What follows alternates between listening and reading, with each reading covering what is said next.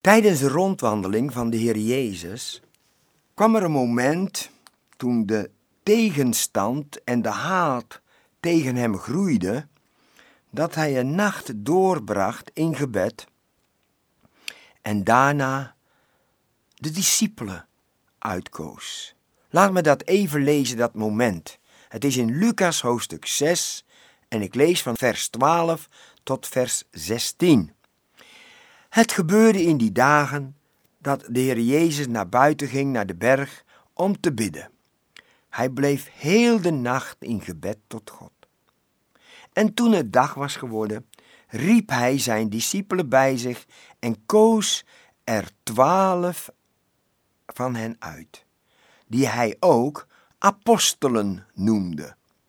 Simon, die hij ook Petrus noemde, zijn broer Andreas, Jacobus, Johannes, Filippus, Bartholomeus, Matthäus, Thomas, Jacobus, de zoon van Alfeus en Simon de Zeloot, Judas, de broer van Jacobus, Judas Iscariot, die ook de verrader geworden is. Wat mij opvalt, is dat de Heer Jezus nooit iets doet zonder gebed. Hij had een hele nacht gebeden en daarna koos hij deze twaalf heel gewone mensen uit. Niet één van die discipelen was een zoon van een fariseer of een zoon van een schriftgeleerde. Het waren vissers, het was een belastingbeambte, het was een politieke fanatiekeling, een zeloot. Het waren gewoon de mensen in Israël. Maar hij kiest ze uit, en er staat er zoiets moois in Marcus 3, vers 13 en 14, om bij, om bij hem te zijn. En dat vind ik zo heerlijk, dat de Heer Jezus ons roept om bij hem te zijn. En de Heer Jezus riep hen tijdens hun werk of tijdens hun Bijbelstudie, maar hij riep hen niet in het luchtledige. Kijk, als de Heer Jezus roept, kom, volg mij, dan is daar een prijs. Ik denk even aan Peter en Johannes.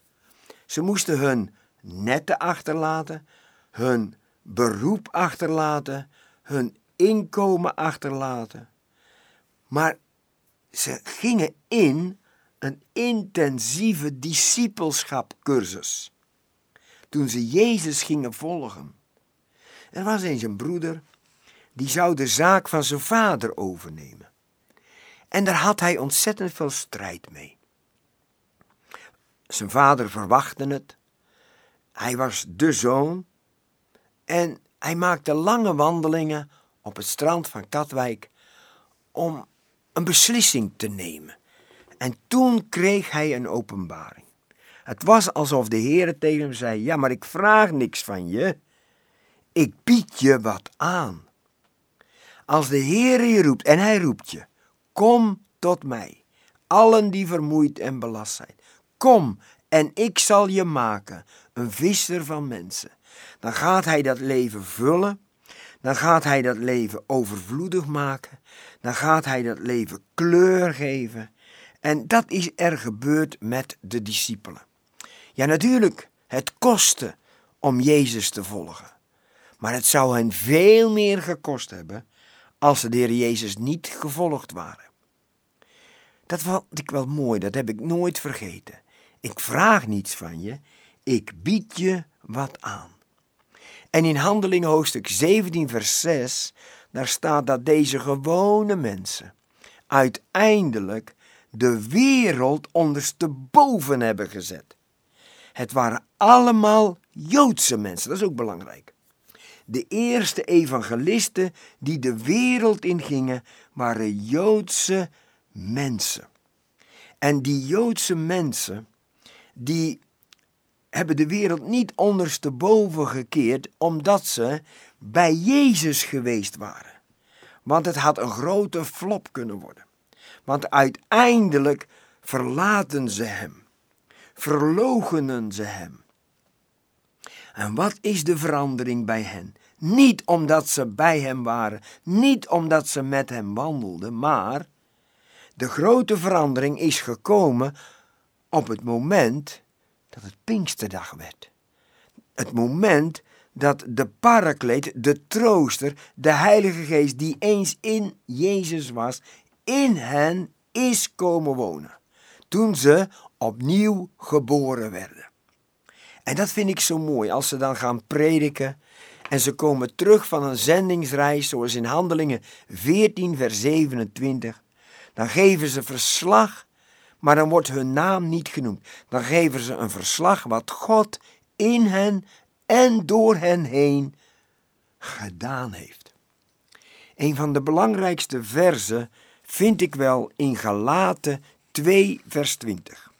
Als ik lesgeef in Kenia, dan is dit het eerste vers wat de studenten moeten leren. Laat me het lezen. Galaten 2, vers 20.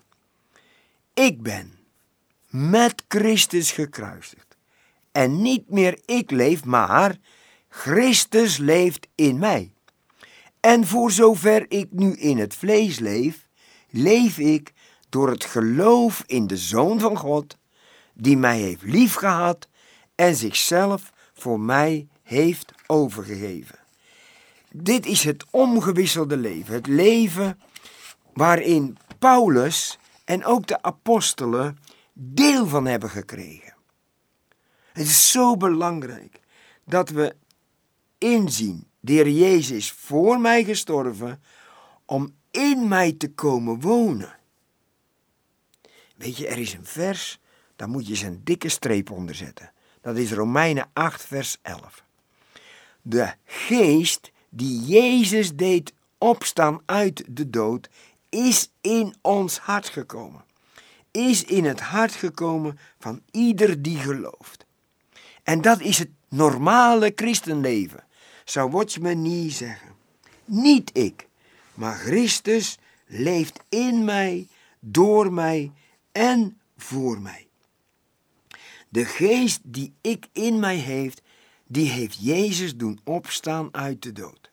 Kijk, we zeggen met Pasen, Jezus leeft. Ja, dat is zo. Maar dat is geschiedenis. Maar Jezus leeft in mij en door mij, voor mij, dat is evangelie. En dat is er gebeurd met die eerste volgelingen van de Heer Jezus. Nog eens. Zij waren niet veranderd omdat ze drie jaar met Jezus gewandeld hadden. Zij waren veranderd doordat ze wederom geboren werden. Toen de geest van God in hun hart daalde, werden ze nieuwe mensen en keerden ze de wereld ondersteboven. Zo zij, zo wij vandaag. De Jezus kende hen door en door. De Heer Jezus wist toen hij Judas riep dat hij hem zou verloochenen. En toch, hij heeft ze allen even lief gehad. Ze hebben allemaal dezelfde mogelijkheden gekregen. En elf van de twaalf zijn door het volgen van de Heer Jezus uiteindelijk tot bekering gekomen en opnieuw geboren. En ontvingen zij dezelfde geest die Jezus had tijdens zijn rondwandeling. De achtergrond van die discipelen is ook wel noemenswaardig. Laat mij eens een paar versen lezen waar zeven van de twaalf vandaan kwamen. Matthäus 11, vers 20. Toen begon hij de steden waarin hij de meeste krachten verricht had te verwijten dat zij zich niet bekeerd hadden. Wee u, Chorazin, wee u, Bethsaida, want als in Tyrus en Sidon de krachten gebeurd waren die in u plaatsgevonden hebben, dan zouden zij zich al lang in zak en as bekeerd hebben. Maar ik zeg u, het zal voor Tyrus en Sidon verdraaglijker zijn op de dag van het oordeel dan voor u en u, Capernaum, die tot de hemel toe verhoogd bent u zult tot de hel neergestoten worden. Want als in Sodom de krachten waren gebeurd die in u hebben plaatsgevonden, dan zou het tot op de huidige dag zo gebleven zijn. Maar ik zeg u dat het voor het land van Sodom verdraaglijker zal zijn op de dag van het oordeel dan voor u. Bethsaida was een van die plaatsen waar Petrus, Andreas, Jacobus, Johannes vandaan kwamen. Misschien kom je wel uit een dorp of een stad waar heel weinig gelovigen zijn. In mijn stadje, Gorinchem, is 40% al moslim. Gouda, nog meer moslims. Het is een heel andere geest. En het wordt steeds moeilijker om je broeders en zusters te vinden. Toen ik in Israël woonde, waren er maar 300 gelovigen in het hele land. Dat is nu wel gegroeid, maar vele van de gelovigen leefden geïsoleerd. En dat is toch wel bemoedigend dat ook de discipelen niet uit plaatsen kwamen die open stonden voor de Heer Jezus. Ook al deed hij zoveel wonderen in die plaatsen. Wonderen en tekenen zijn we wel gewend als de Heer Jezus omgaat met zijn Joodse volk. Denk nog even terug aan die tijd in de woestijn. Iedere dag ontvingen ze manna, de kwarteltjes kwamen aanvliegen, de wolking voor hen uit, hun schoenen groeiden met hen mee, hun klederen bleven nieuw. Het was het ene wonder na het andere wonder. En toch was God boos met hen. Want het werd niet gemengd met geloof. En zo waren in deze plaatsen waar veel van die discipelen vandaan kwamen, ontzettend veel wonderen gedaan door de Heer Jezus. Daar heeft hij de machten van de duivel gebroken door het ene na het andere wonder. En toch was er weinig succes. Heerlijk, in iedere plaats heeft de Heer een trouw overblijfsel. Wat mij opviel is, hij spreekt hier over Tyrus en Sidon. En dan moet je eens kijken in Matthäus 15. Want in Matthäus 15, daar komt een vrouw uit die plaats. De Heer Jezus is daar dan ook naartoe gegaan. En deze vrouw in Matthäus 15, vers 22, die noemt de Heer Jezus zoon van David. Zij is een Canaanitische vrouw, zij is een vrouw uit een veroordeeld volk, maar zij geeft de Heer Jezus de titel die hem toekomt, de messiaanse titel, zoon van David. In het begin zien we dat de Heer Jezus haar niet antwoordt. En de discipelen willen haar wegsturen. En dan zegt de Heer Jezus in het begin van zijn wandeling: Ik ben alleen gekomen voor de verloren schapen van het volk van Israël. Dus Joden zijn verloren.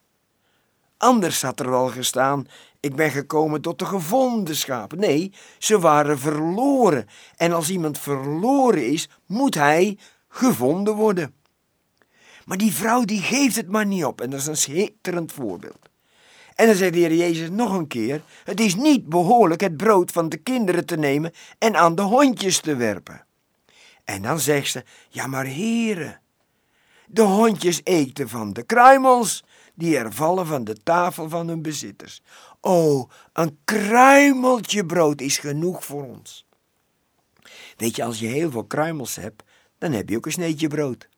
En dit geloof van deze vrouw was een teken voor de discipelen, die uit een stad of een dorp kwamen waar zoveel wonderen gedaan wordt, waar alle aandacht was gegeven. En deze vrouw, die uit het vervloekte volk van Canaanieten kwam, die buiten Israël woonde, in Sidon, die zegt: kruimeltjes is genoeg voor mij. En de Heer Jezus reageert op deze vrouw. En hij zegt iets wat hij nooit over de discipelen gezegd heeft. De discipelen staan bekend als kleingelovigen. Maar deze Canaanese vrouw, die wordt bemoedigd, bevestigd. En de Heere Jezus spreekt dat zij een groot geloof heeft. Weet je, we gaan van ongeloof naar klein geloof, naar geloof, naar een groot geloof. En een groot geloof is om tegen zijn belofte te zeggen: Ja en Amen.